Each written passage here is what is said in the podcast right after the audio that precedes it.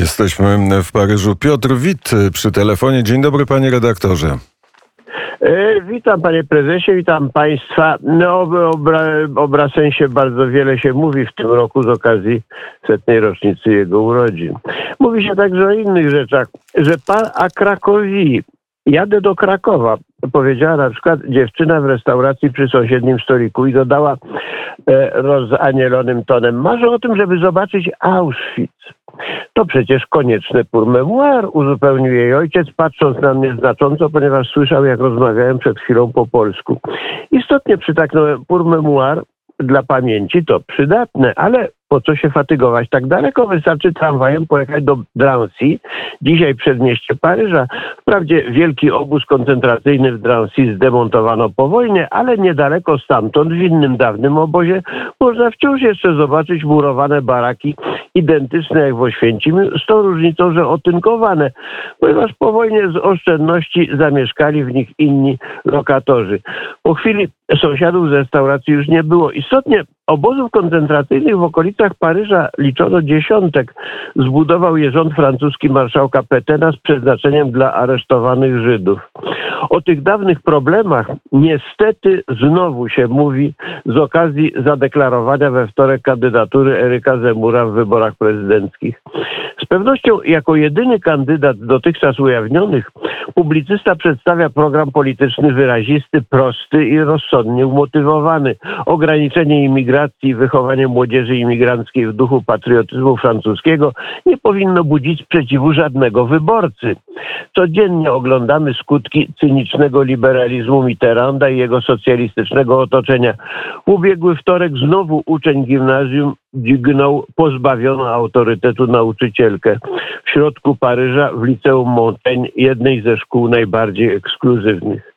Przez przeciwników politycznych Zemur jest zwalczany jako rasista. Nie można jemu, Żydowi, zarzucić antysemityzmu, kiedy rozdrapuje rany z okresu okupacji.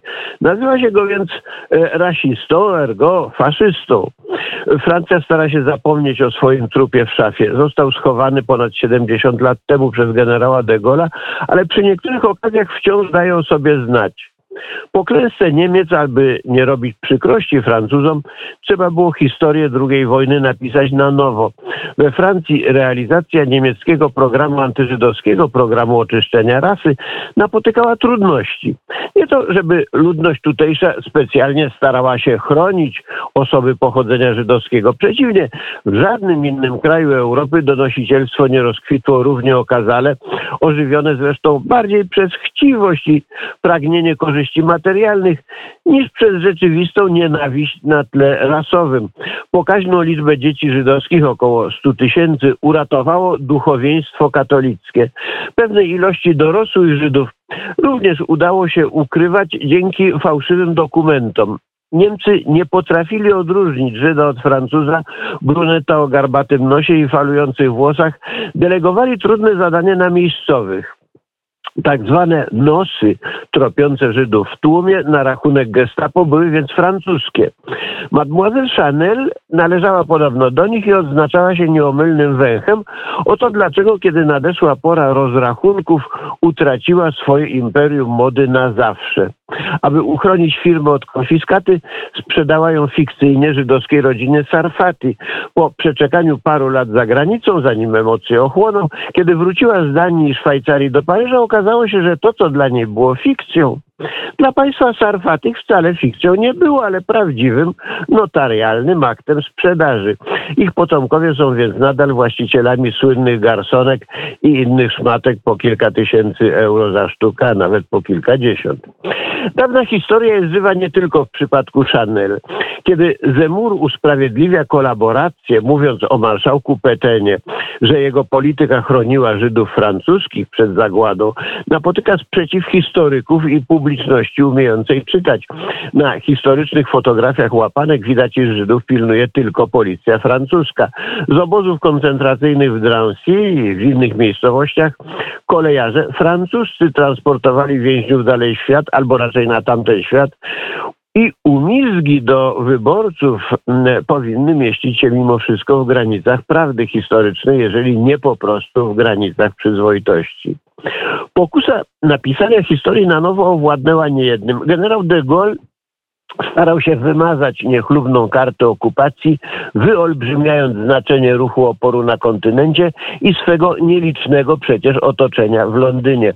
Według nowej lekcji historii rząd Vichy nie miał znaczenia, ogół społeczeństwa był zdrowy i moralny, kolaboracja stanowiła margines, zaś aktów hańbiących dopuściła się tylko nieliczna garstka przestępców.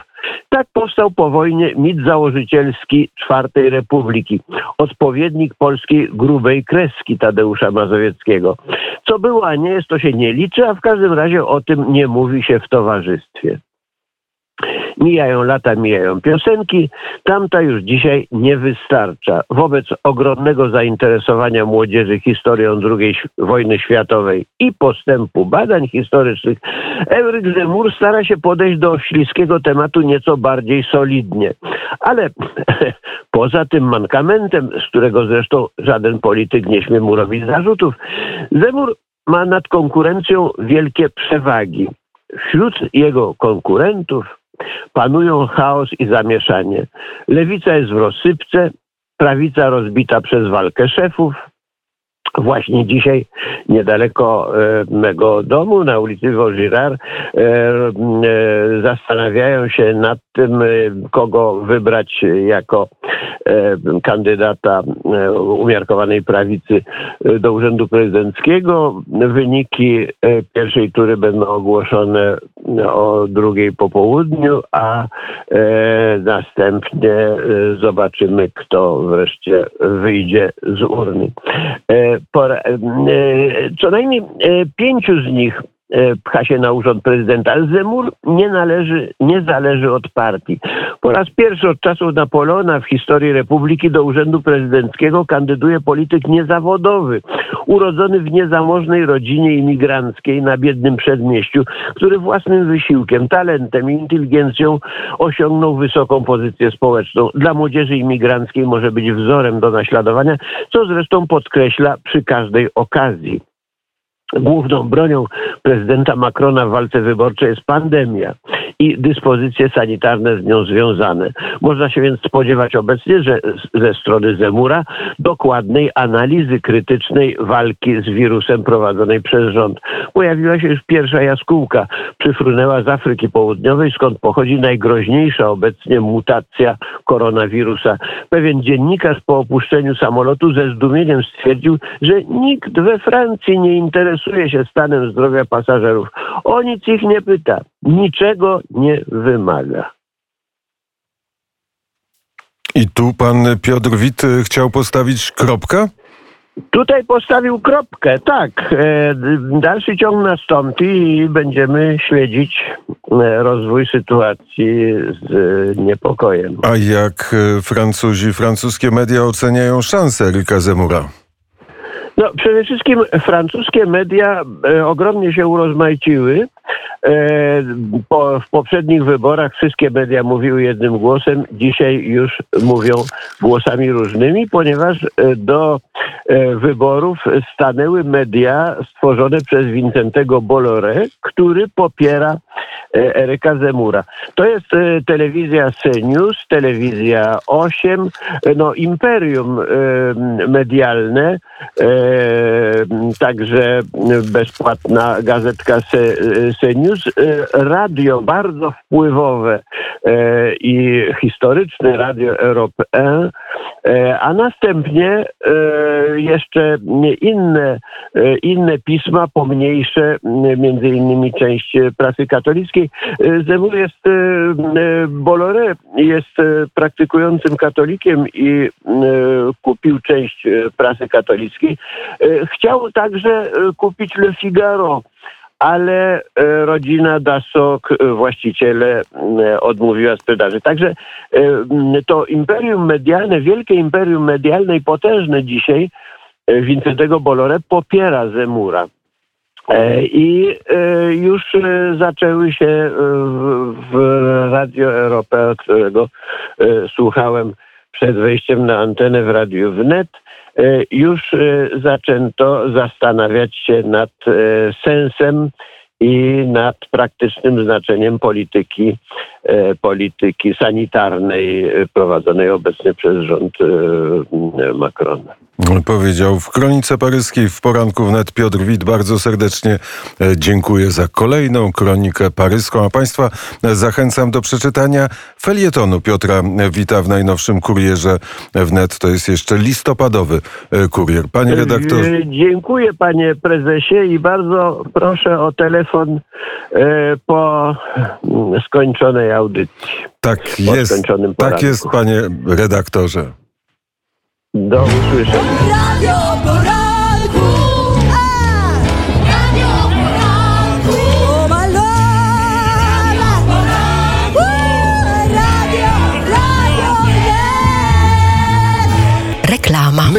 daliśmy możliwości, wy podnieśliście tarczę. Rządowa tarcza finansowa PFR objęła 360 tysięcy firm, chroniąc prawie 3,5 miliona miejsc pracy. Ruszył kolejny etap tarczy 2.0 umorzenia. Od 18 listopada dla małych i średnich firm, od 19 stycznia dla mikrofirm. Sprawdź w swoim banku, jak umorzyć subwencje. Pamiętaj o terminowym rozliczeniu rat. Grupa Polskiego Funduszu Rozwoju to wsparcie dla ludzi, firm i samorządów. Więcej na PFR reklamie.